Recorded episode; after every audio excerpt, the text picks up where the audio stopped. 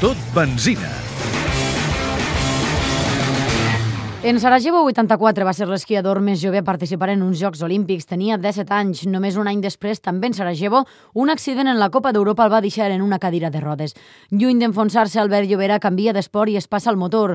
Nou límits, no existeixen límits. Quan es creu en un mateix, és el llibre on trasllada ara la seva experiència. Els límits ens els marquem cadascun, sí que existeixen límits perquè han d'existir, però també els límits estan fets per superar-los moltes vegades, no? Llavors, doncs, n'hi ha alguns que els podem superar i nosaltres mateixos ens, ens tanquem mentalment i no és així. Llobera té ara 44 anys, una filla de 14 i regenta una ortopèdia. Enmig de tot aquest estrès, ha trobat temps també per escriure el llibre.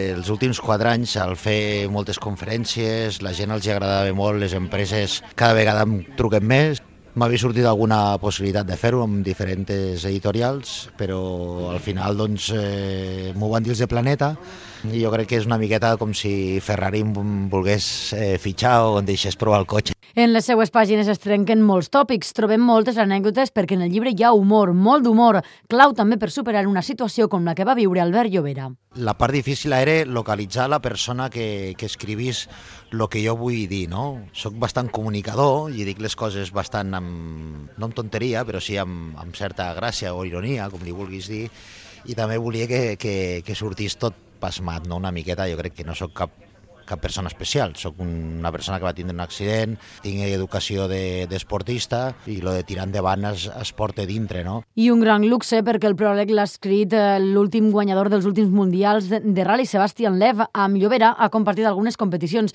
i més d'una festa quan eren júniors. Al web sabem parlar de francès.